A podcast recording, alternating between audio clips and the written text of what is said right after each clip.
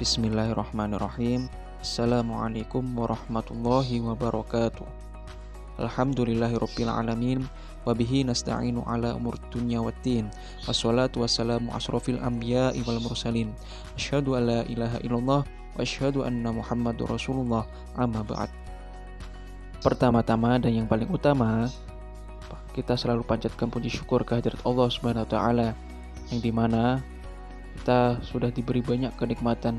Itu yang terutama kita rasakan sekarang ini adalah nikmat sehat nikmat iman yang selalu bertambah yang insya Allah Allah selalu memberi kita perlindungan dari segala musibah yang ada di dunia ini.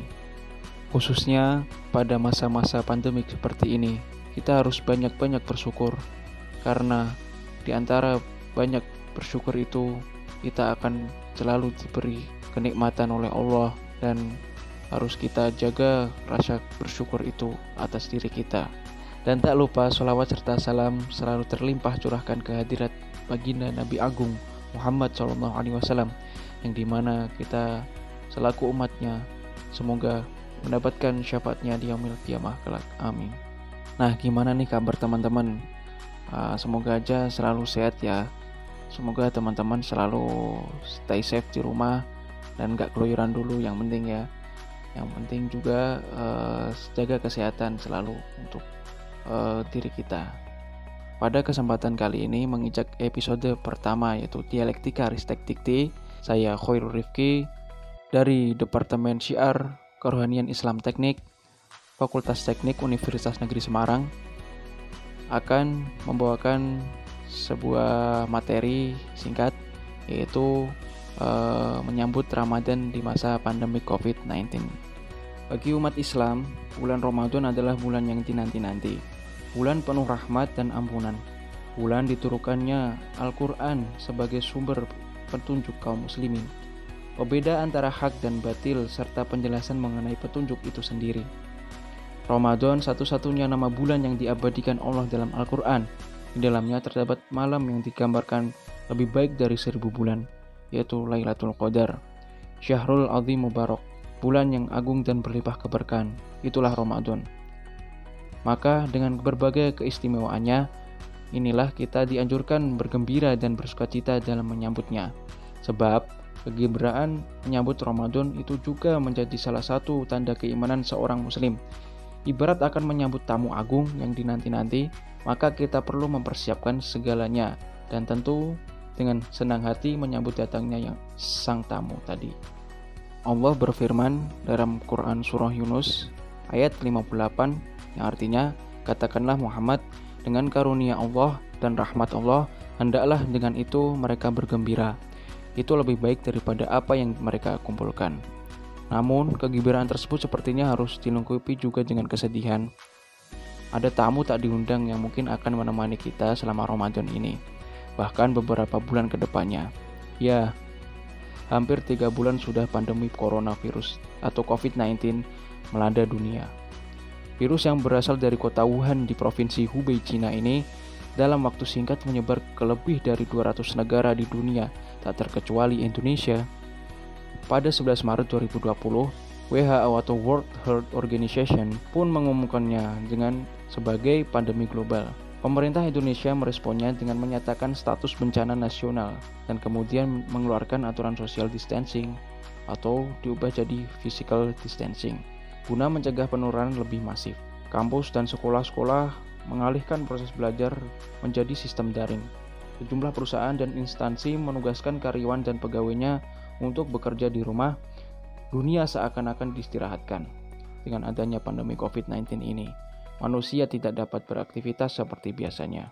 Berdasarkan data WHO hingga Selasa 7 April 2020, ada 1,35 juta orang di dunia terinfeksi, 287.679 sembuh, dan 74.870 orang di antaranya meninggal dunia.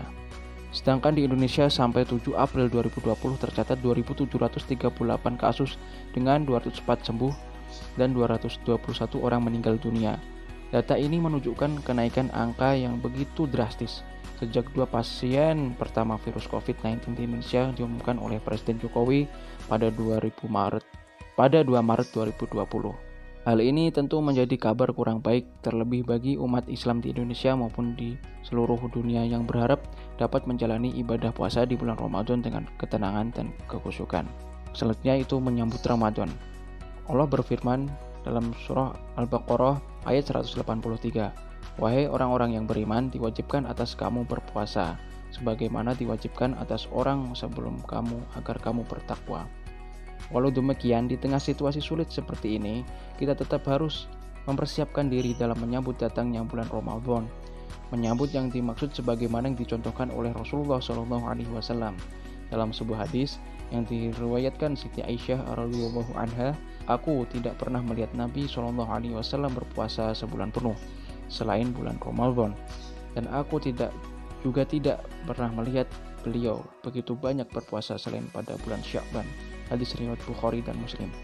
Artinya, dalam menyambut Ramadan, kita dapat melakukan berbagai persiapan, sebab Ramadan adalah momentum oleh olah jiwa tahunan atau riadoh sanawiyah, di mana ada dua dimensi yang dibentuk di sini, yaitu ruhiyah dan jasadiah.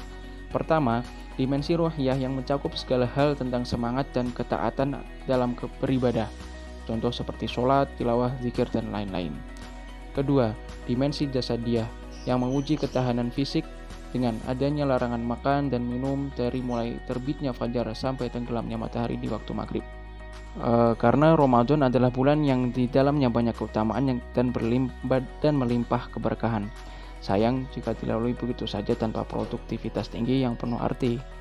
Membaca buku, menulis, mendengar tausiah, podcast, mengikuti kajian daring, membuat kerajinan tangan, dan lain-lain bisa menjadi alternatif untuk mengisi waktu selama Ramadan hashtag di rumah aja. Tentu yang paling utama memperbanyak amal ibadah kepada Allah. Dengan ruang terbatas di tengah pandemi COVID-19 bukan menjadi alasan untuk kita melakukan banyak kemalasan dan kemu. Apalagi jika kita berkaca pada sejarah, banyak peristiwa besar dalam peradaban umat Islam terjadi di bulan Ramadan. Contohnya itu Perang Badar pada tanggal 17 Ramadan 2 Hijriah pertempuran kaum muslimin dengan kaum kafir Quraisy yang di mana dengan rasio kekuatan sepertiga dari musuh umat Islam mampu menangi pertempuran tersebut. Kita tidak dapat membayangkan bagaimana sebuah pasukan yang sedang berpuasa bisa terus berperang mengangkat pedang, bahkan memenangkan pertempuran yang sama sekali tidak seimbang. Namun, itulah janji Allah, Tuhan yang tidak pernah ingkar akan janjinya. Lalu peristiwa Fatu Mekah atau pembebasan kota Mekah dari kaum kufar pada tanggal 10 Ramadan 8 Hijriah dan yang tak kalah heroik kemenangan Salahuddin Al-Ayubi pada Perang Salib atau Battle of Hattin di Palestina yang bertepatan dengan tanggal 26 Ramadan. Di Indonesia, Ramadan juga bulan bersejarah karena proklamasi kemerdekaan jatuh pada 17 Agustus tahun 1945 yang bertepatan dengan 9 Ramadan 1364 Hijriah. Ini artinya Puasa di bulan Ramadan bukan alasan untuk malas berpikir maupun, maupun bertindak. Dan jika kita merujuk kembali pada ayat di atas, yaitu Quran Surah Al-Baqarah ayat 183, perintah berpuasa sesungguhnya bukan titah biasa. Kata amanu di ayat tersebut merupakan panggilan khusus bagi mereka yang mengaku dirinya beriman. Ini berbeda dengan lafaz lain semisal ayyuha annas atau wahai manusia yang merupakan seruan umum kepada semua umat manusia. Karenanya, dengan berpuasa kita pun sebenarnya telah mengaku diri sekaligus membuktikan sebagai orang yang beriman.